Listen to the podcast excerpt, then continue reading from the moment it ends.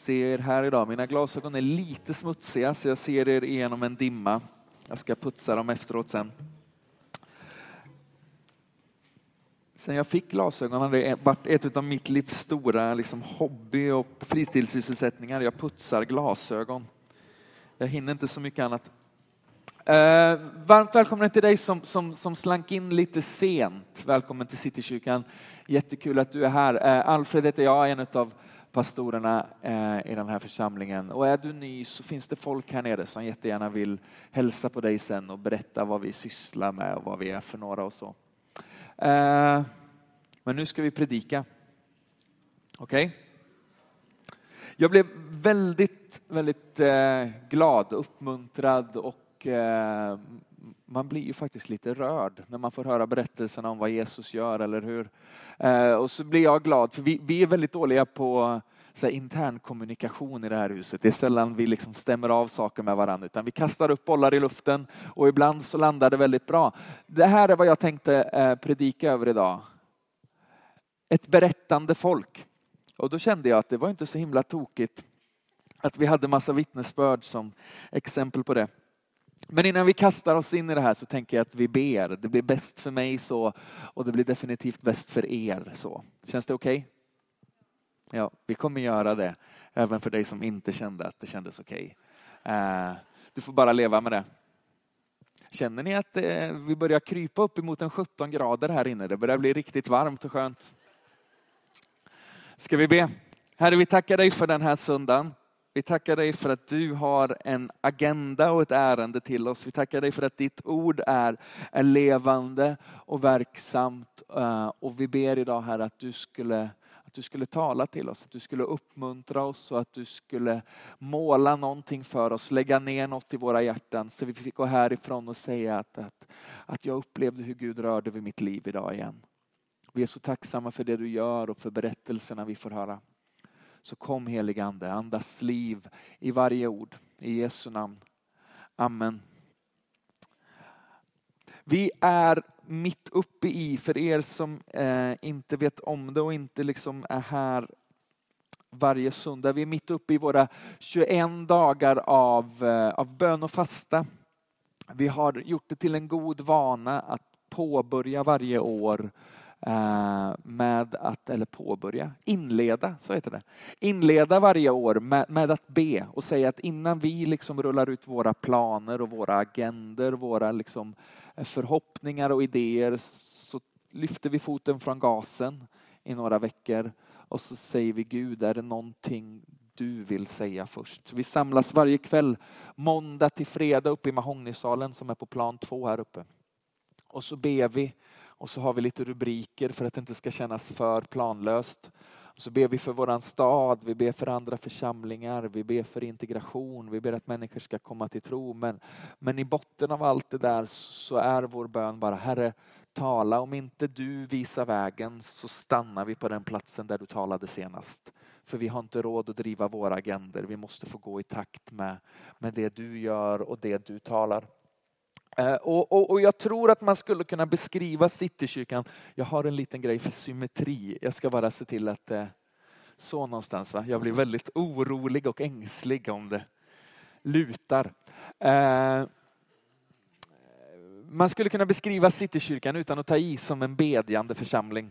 Varje vecka så, så ber vi vid, vid fem, sex, sju olika tillfällen liksom organiserat och strukturerat här i huset. Det är måndagar och, och ett par gånger på tisdagar och det är eh, på torsdagar och fredag morgon och innan gudstjänsten här och det bes i, i massa hem och i massa andra initiativ också. Så det, så det är alltid någon nästan som, som ber i den här husen. Vi är ett, ett bedjande folk. Och Det är någonting som vi värdesätter, det är någonting som, som vi håller högt och någonting som vi aldrig har för avsikt att släppa taget om. Men, men, men jag tänker att vi ska försöka i ännu högre utsträckning komplettera vårt bedjande med ett berättande. Att vi skulle få, få bli ett berättande folk. För, för risken i en församling som är duktig på att be, men inte så duktig på att berätta, det är att vi får känslan av att Gud inte gör så mycket. Eller hur? Nu har vi liksom bett så varje kväll i flera timmar och så kommer det inte fram så mycket berättelser om vad som händer under den bönen. Och så är risken att vi känner att som, det här får liksom inte riktigt fäste, det händer inte riktigt, vad sysslar vi med? Och så kommer det fram ett gäng liksom yngre människor och berättar vad Gud har gjort i deras liv under den här veckan och så känner vi med en gång att japp, det där har jag varit med och banat väg för. För jag har varit här och jag har bett och jag har fastat och helt plötsligt så börjar saker ske som är ganska svindlande egentligen. Leo var tvungen att släppa liksom det yrket som han tyckte så mycket om på grund av sin smärta. Det blev taget ifrån honom. Men, men på grund av att Gud har gjort något i hans rygg så, så misstänker jag att, att, att en dröm börjar väckas igen i hans hjärta. Tänk om. Eller, eller fruktan, som, fruktan som bryts. Liksom, tänk att kunna få leva sitt liv utan att vara begränsad av, av fobier, av, av rädslor. Och så händer något i era hjärtan när ni hör det också. Jag har också lite ont i ryggen. Tänk om Gud kan göra för mig vad han gjorde för Leo, eller hur? Och så gör berättelserna något med oss. Men jag tänker att vi ska ta oss igenom det här lite systematiskt så att det liksom blir predikan av det. Egentligen är jag redan klar och så ska jag lägga ut det här nu i, i 25 minuter bara för att på något sätt göra skäl för min lön.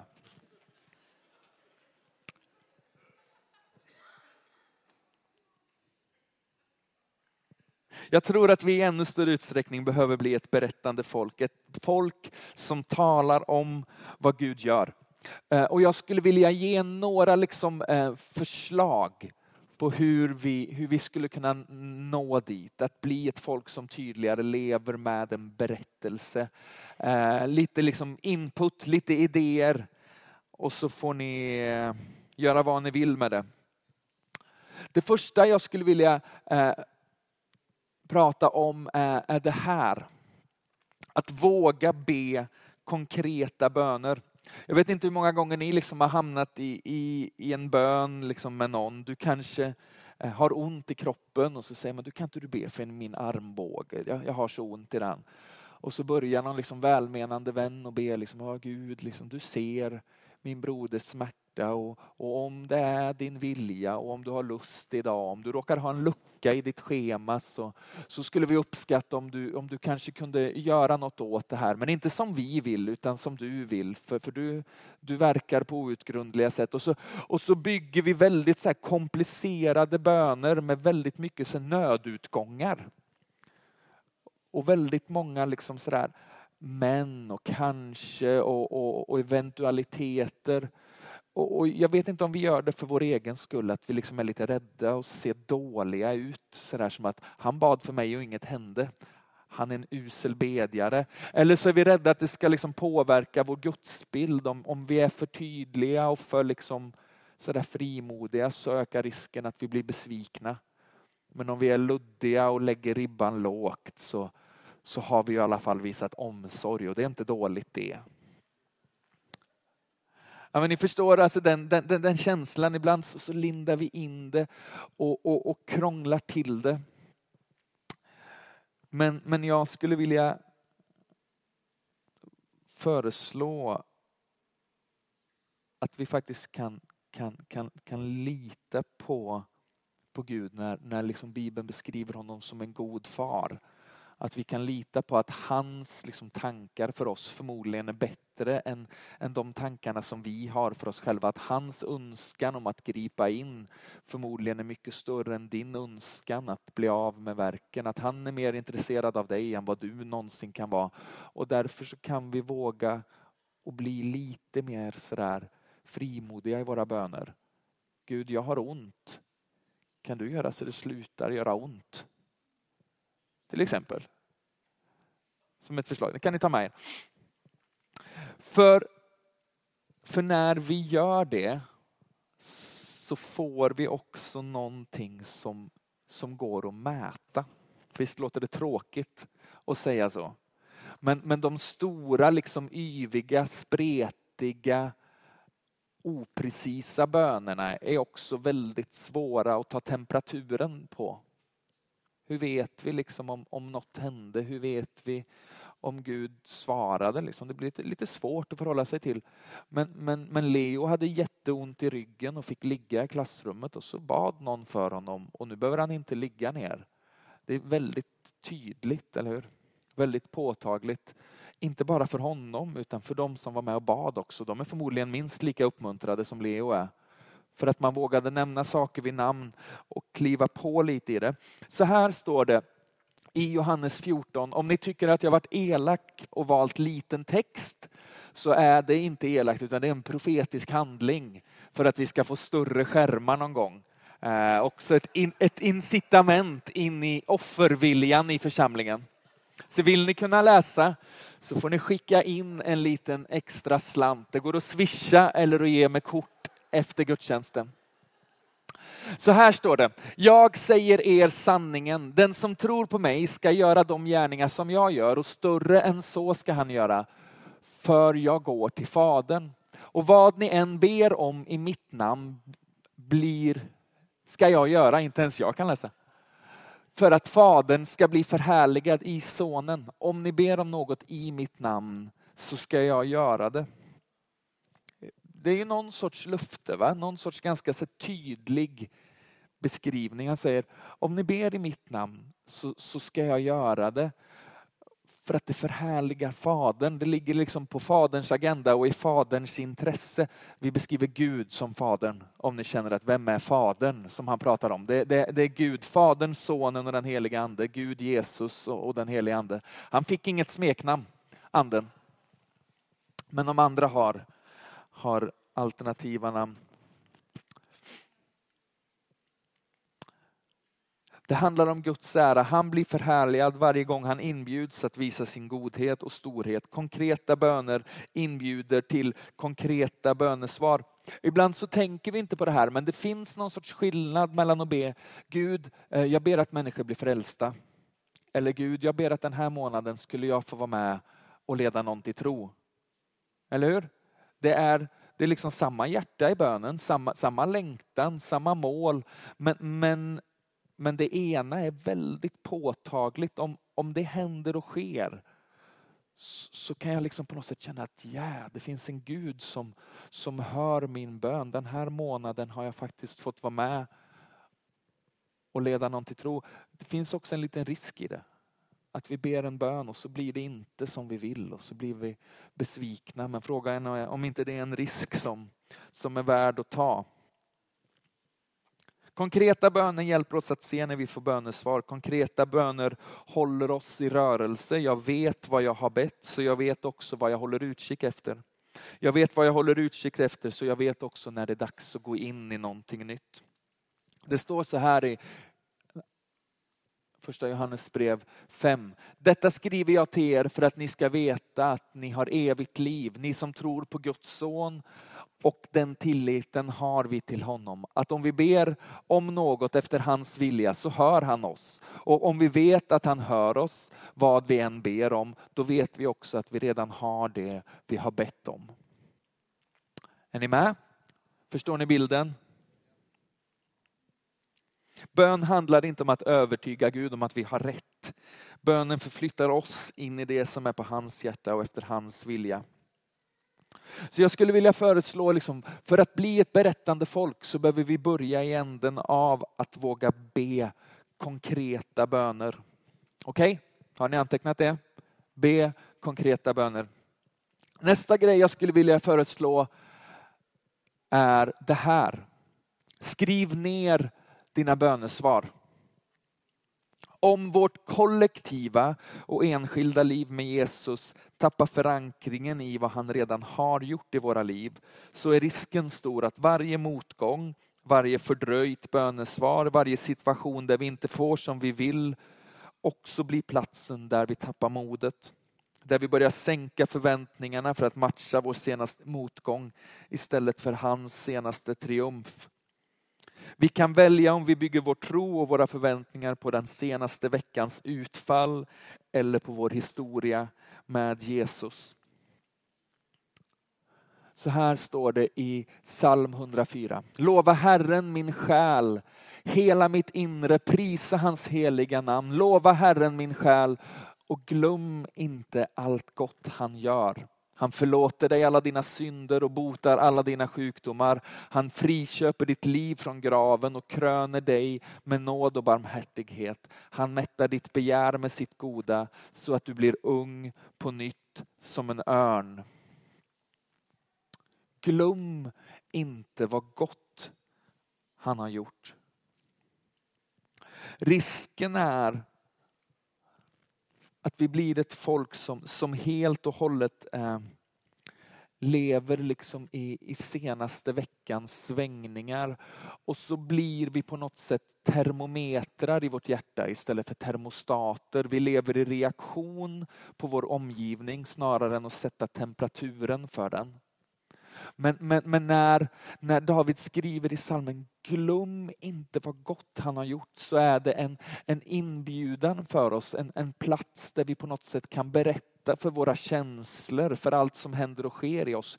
Kommer du ihåg när? Och så får vi börja på något sätt skruva upp temperaturen istället för att bli offer för omgivande temperatur. Det händer något i det här rummet när vi kommer samman. Varje människa utstrålar typ 75 watt ungefär. Så sitter vi bara här tillräckligt länge så kommer det bli varmt i det här rummet bara av att vi är här. Men, men psykologiskt så kommer vi någonstans tro att vi kommer frysa ihjäl för just nu känns det lite kyligt. Men, men det är inte riktigt så det funkar utan vi, vi väljer lite, vi får vara med lite. Och och vi behöver liksom ha på våra fingrar våra, våra milstolpar i livet, det som Gud har gjort, så jag vet vad jag ska plocka fram de dagarna det känns som att det blåser lite snålt. Kommer ni ihåg när Paul berättade för några söndagar sedan om sin bil han fick? Kommer ni ihåg det? Han fick pengar till en bil. Han hade bett Gud, jag behöver en bil för att kunna jobba som skolevangelist. Det funkar inte, jag ska flänga runt här, jag orkar inte cykla. Och så fick han en bil och varje gång han satte sig i den bilen så var det som en påminnelse liksom om Guds trofasthet och, och Guds barmhärtighet. Jag har, hade en sån, en, en, en sån upplevelse. Jag eh, gick en, en musikutbildning för, för massa år sedan och så var det en, en tjej där som hette Viola, eller en kvinna, en låtsasledare, som var där och så hade hon en väldigt, väldigt fin gitarr, en, en, en Martin eh, som vi var väldigt så imponerade av. Eh, och så berättade hon att den här har jag fått av, en, av, en, av någon japansk rik gubbe som var välsignad av hennes liksom, eh, låtsasledning så hade hon gett den till honom. Vi pratar liksom om 40-50 000, så det är inte liksom en rusta gitarr utan en riktig, en riktig gitarr, en bra gitarr. Inget ont om rusta men gitarrer är inte deras eh, vassaste liksom, sortiment. Och så hörde jag det där och så, och så kan man känna liksom, på något sätt så här, halvt fromt, halvt i köttet att det hade varit gött Gud om någon kunde ge mig en gitarr. Det hade varit liksom fint. Tänk om man kunde få en, en, en, en så, så liksom fin gåva. Jag spelar gitarr för er som inte känner mig, leder lovsång. Uh, eh, uh, och, så, och så har man det där i bakhuvudet och, och och då och då när man drar någon sträng eller det inte låter som man vill riktigt så tänker man, tänk om det kunde vara som för viola. För viola liksom. Tänk Gud om jag kunde få en gitarr. Och så, och så gick jag igenom en, en, en ganska tuff period eh, i, i, i mitt liv. Jag jobbade i en annan församling då och, och mådde sådär skitdåligt så man liksom känner att fosterställning är den mest bekväma ställningen och helst vill man ha hörselkåpor på sig för att barn skapar bara ångest. Du vet när man är riktigt, riktigt så panikångest liksom eh, så taggad.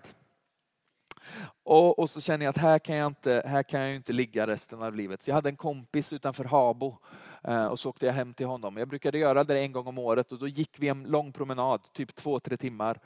Och, och så pratade jag och så lyssnade han och så sa han någonting klokt och, och så bad vi liksom och så, så mår man bättre eh, av att faktiskt prata med någon. Och så åkte jag därifrån och så fick jag sms av honom. Så stod det min, min, min svärson Marcus undrar om han får ge din mailadress till sin gamla bibelskolekompis David. Ja, gärna. Ja, men du vet så. så ja, jo, det går väl bra. Så, ja. och, så, och, så, och så visar det sig att den här David har en svärfar i sin tur. Så det är liksom inte grannen utan det, det är en liten bit så här. Och han bygger gitarrer. Han bor eh, i Nordirland, bygger så jätte, jättefina handbyggda gitarrer och så fick jag ett mail av den här killen David och så sa han Marcus har, har pratat om dig för att Rob har pratat om, nu vet när det blir så här. Ja, och, eh, och, och, det skulle vara jättekul att träffa dig. Han en kristen kille. Han har varit med på YWAM-basen i Skottland där vi har någon koppling härifrån också, någon som har varit med. Ola. I alla fall, Eh, så åker jag hellre ner till Göteborg till en gitarrmässa där. Har du inte varit på en gitarrmässa någon gång så, så, så är det en upplevelse. Eh, och så fick vi liksom bara träffas och vi drack kaffe och jag var entusiastisk. Helen var inte lika entusiastisk. Eh, och så åker vi dit, jag träffade David och fick testa en del av de här gitarrerna. De är jättefina. Och så säger han så ja vi brukar inte göra så här, men, men, men, men om du skulle vilja liksom, så, så, så kan, skulle vi vilja erbjuda dig 15 eller 20 procents rabatt på en gitarr. Då känner man så här, ja men det är inte liksom så tokigt. Det är mycket. Och så frågar man vad kostar en sån här gitarr? Ja, vår standardmodell kostar 36 000. Och så känner man att 20 procent är mycket pengar men det är väldigt mycket kvar. Så man känner som att Gud, det, ja, det, det är gott men det är inte som Viola. Uppskatta gesten. Men eh, ja, så vi åkte hem och vi liksom började räkna och jag hade två gitarrer då så jag kom på att jag kunde sälja den ena så skulle jag få loss pengar och så är jag lite slug sådär så jag kom på att jag fyller snart 30 tror jag jag ska fylla. Så jag bjuder hem hela församlingen och så säger jag, jag vill inte ha några presenter. Men om du vill skänka en hundring, liksom, jag har den här liksom idén om en gitarr, så går det jättebra. Och så, och så, och så blev det liksom lite pengar. Så jag tror i slutändan så, så räckte det ganska långt. Och, och Helen liksom puttade in lite födelsedagspengar och mina föräldrar och sådär. Så, uh, ja, men det, det fattades pengar men, men, det var inte oöverkomligt. Så jag ringde eller mejlade David och säger att vi, vi, vi kör. Men jag ska spela in en, en skiva om, eh, om, om tre veckor så det vore väldigt kul att ha den till dess då. För att det är liksom roligt om man har köpt något att man kan använda det.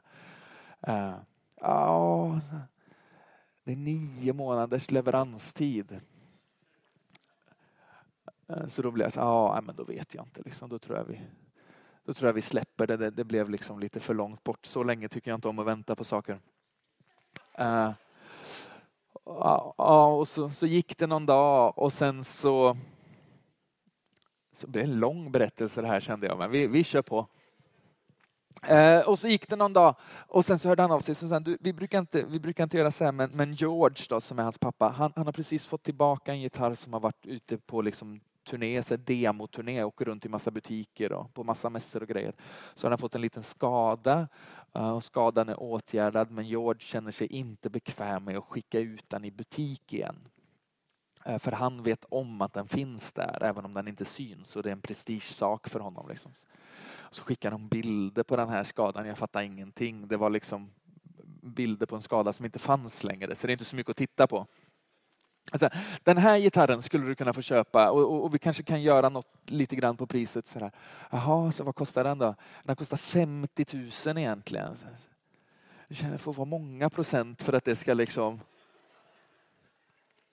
Eh, men, men och så skickar de, men det här är vad vi skulle kunna erbjuda dig att betala.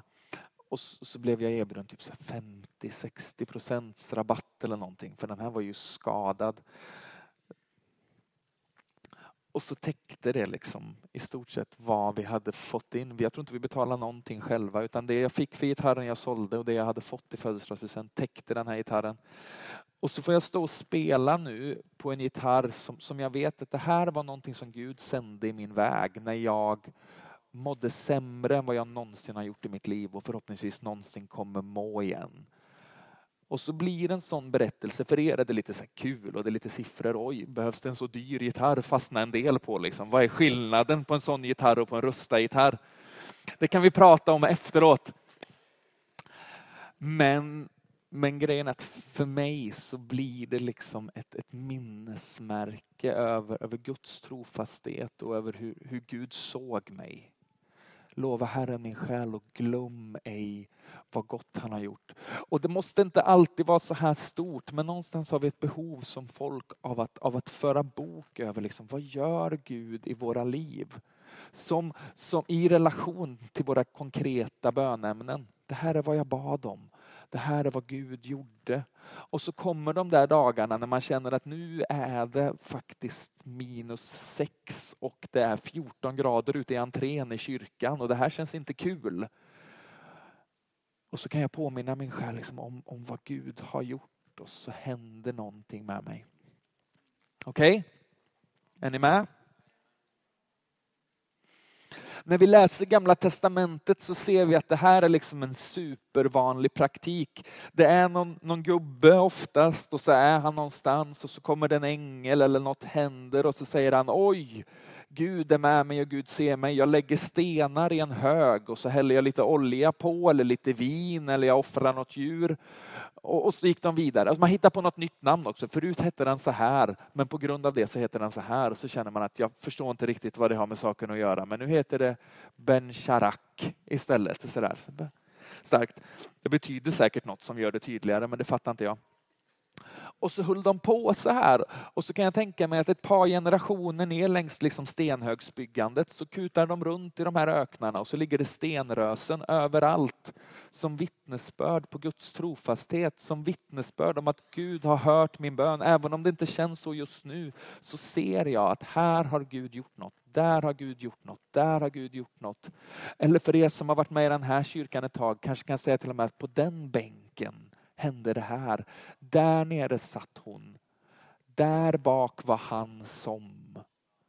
Hela Israels liksom på något sätt sångskatt. Liksom. Vi går upp till templet och så sjunger vi om, kommer ni ihåg när Gud ledde oss igenom Röda havet? Kommer ni ihåg när han liksom gjorde det här och det här? En, en tradition av att hela tiden hålla berättelsen om vad Gud gör högt någon sorts systematiserande av, av bönesvar.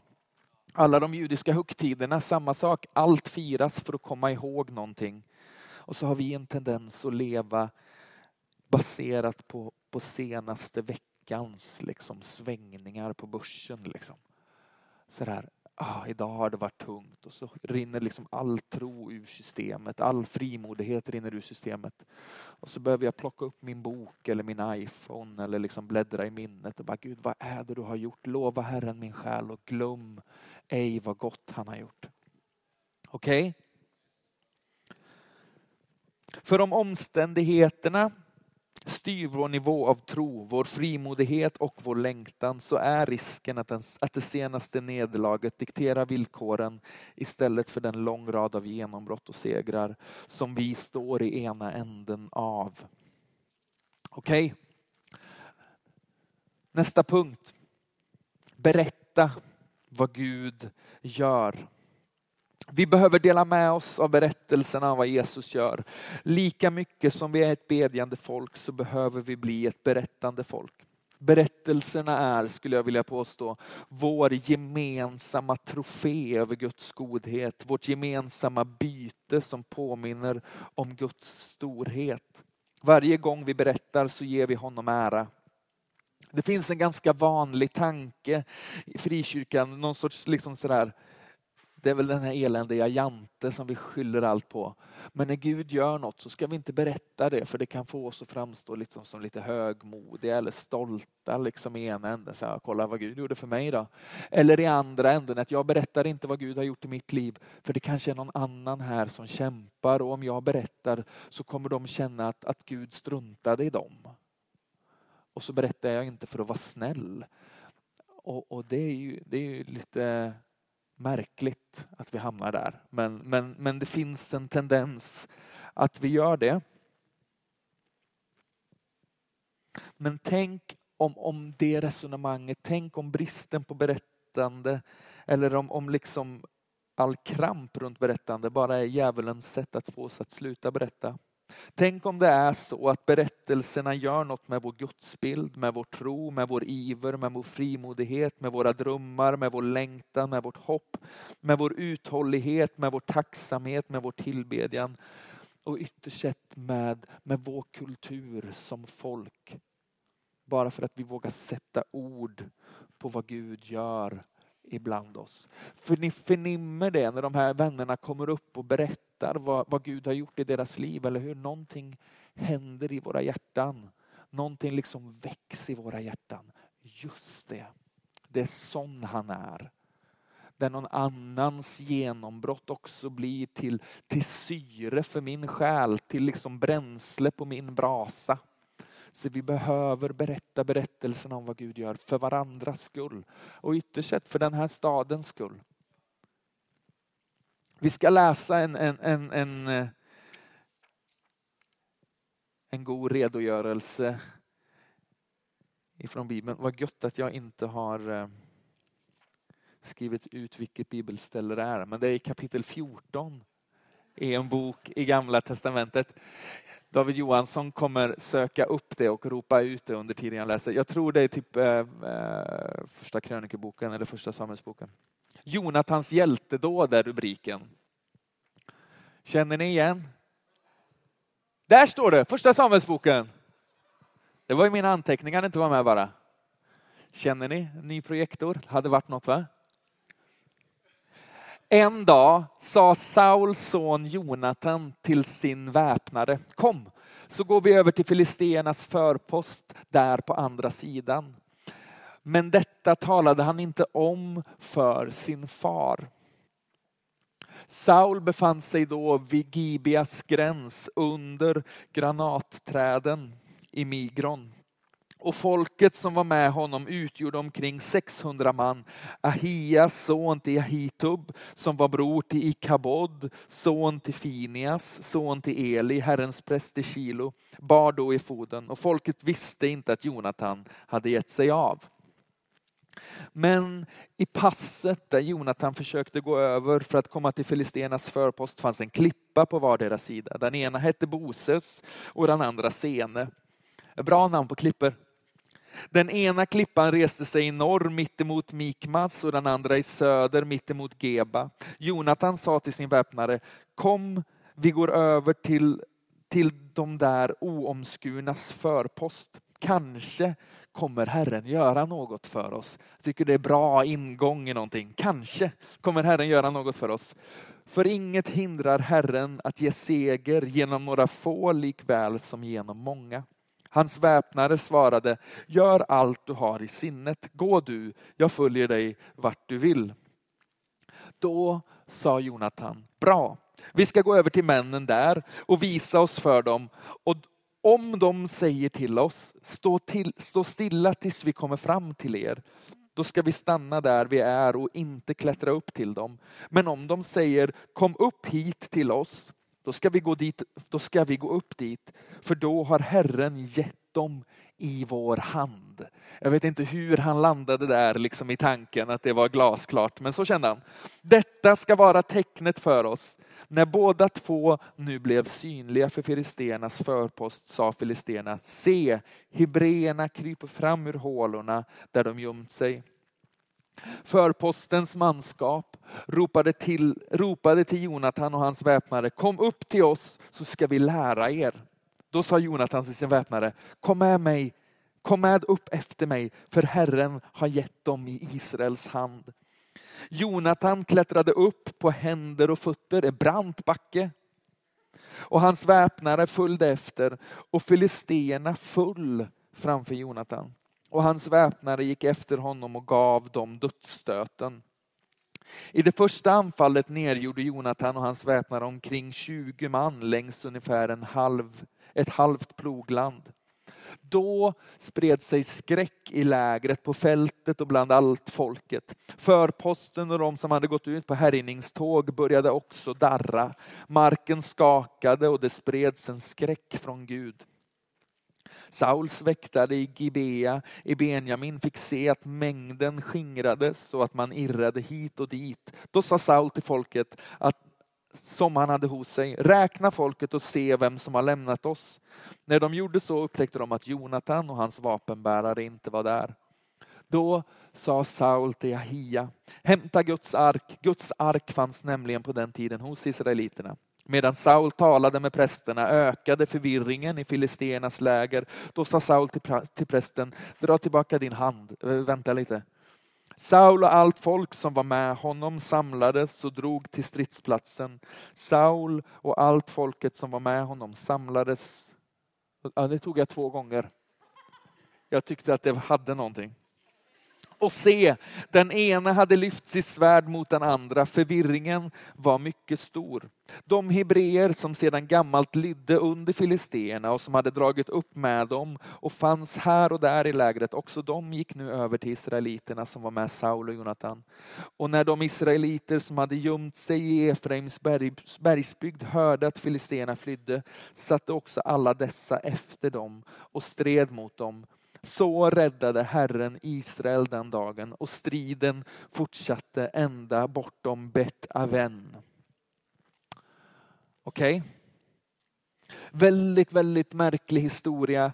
Ett, ett läger med, med filister, ganska högt beläget uppe på en höjd. Och, och, har ni liksom lekt snöbollskrig och kört någon sorts herren på täppan-grej så vet ni att det är en fördel att vara högre upp du har liksom bättre vinklar att jobba med än de som är din, där nere. Ska du kasta något så har du liksom backen med dig istället för mot dig. Ska du springa så springer du väldigt mycket fortare nerför än, än uppför. Och om då den som ska upp behöver krypa på alla fyra för att komma upp, då kan man känna att det här känns inte så besvärligt. Eller hur? Det är liksom inte det man blir räddast för. Vi är 20-30 pers här uppe. Där kommer två killar krypande på alla fyra. Den ena har inget svärd, den andra bär den andra killens svärd. Och så kommer den första killen upp och då rasar alla till marken och så kommer han efter och tänker att jag får väl döda dem då, för det är jag som har svärdet. Det är liksom, det är liksom vad, som, vad som händer här.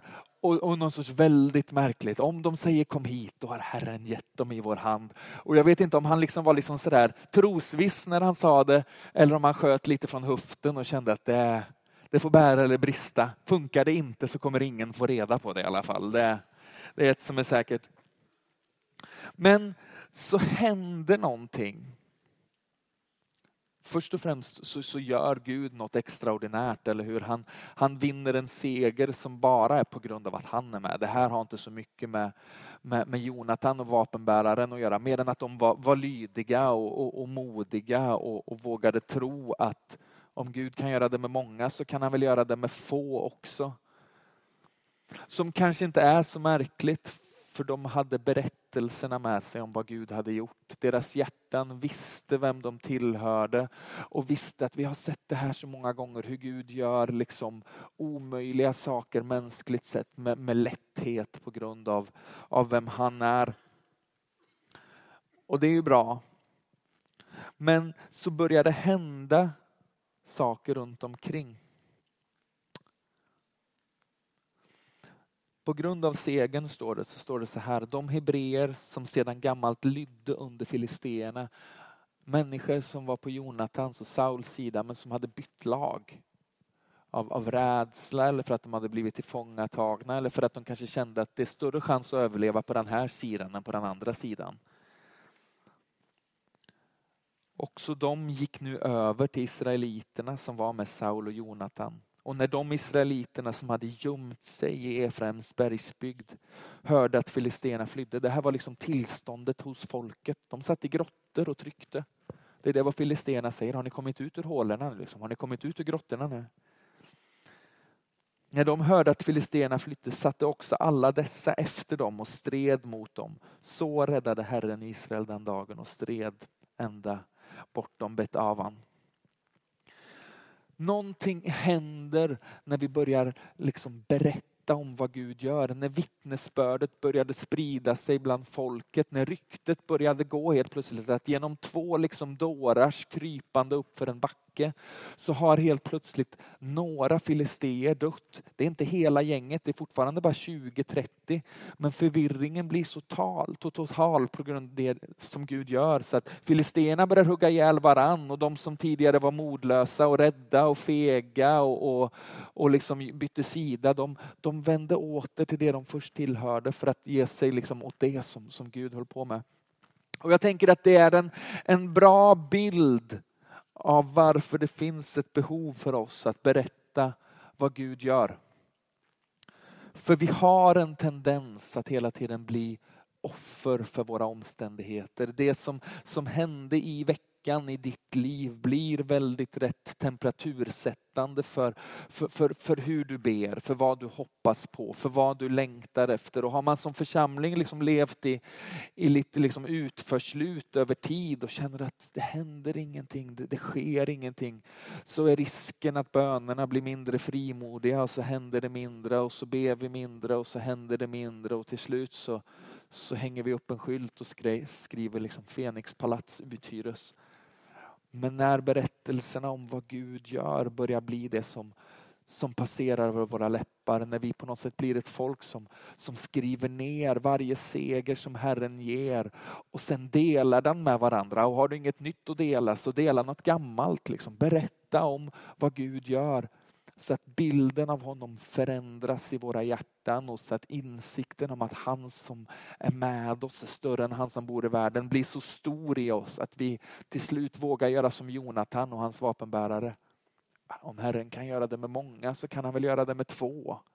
Det här har aldrig handlat om oss, det, har handlat, det handlar om vem vi tillhör, eller hur?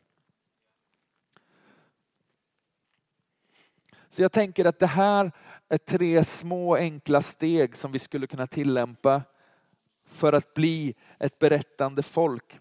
Att börja be konkreta böner.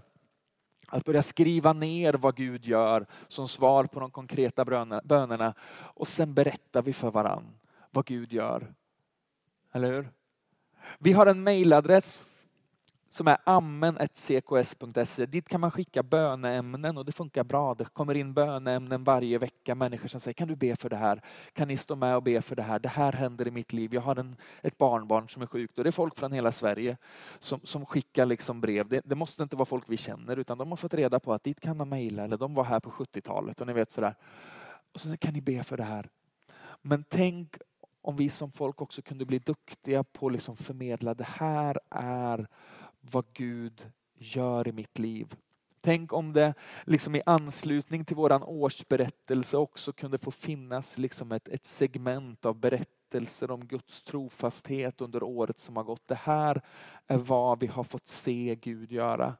Tänk om, om vi kunde få ha gudstjänster varje söndag där det kommer fram människor och säger att det här är vad Gud har gjort i mitt liv. För när vi gör det så, så sprider det tro och hopp ibland oss, eller hur? Det, det, gör någonting med, med våra hjärtan, det ger Gud ära. Blicken vänds från det som händer runt omkring oss och fästs på honom. Och så händer någonting i rummet, någonting av, av tro och förväntan väcks i rummet. Om du sitter här och kämpar med rädslor så slår jag vad om att du känner lite större frimodighet att gå fram och få förbön idag än vad du gjorde förra söndagen. På grund av vittnesbördet om vad Gud gör på grund av berättelserna om vad han gör. Om du har kämpat med, med, med utbrändhet och med liksom trötthet, med utmattningssymptom och känner att jag vet inte. Och så hör vi berättelserna om vad Gud gör och då, då väcks någonting i oss, eller hur? Tro och hopp börjar liksom vakna till liv och så känner vi att kanske är det här dagen när Gud gör det i mitt liv också. Du kanske är här och har, har fysisk smärta som faktiskt hämmar dig från att utföra det arbetet som du tycker om eller som till och med gör din vardag liksom, eh, eh dämpad på något sätt. Du funkar inte som du önskar att du skulle göra men när du hör Leos vittnesbörd så händer någonting och så känner vi att tänk om det här är dagen när Gud kan ta min smärta. Vi lovar ingenting, det är inte automatiskt, Gud är inte mekaniskt. Vi ber så här och så får vi så här. Men om vi vågar be så händer väldigt mycket mer än om vi inte vågar be.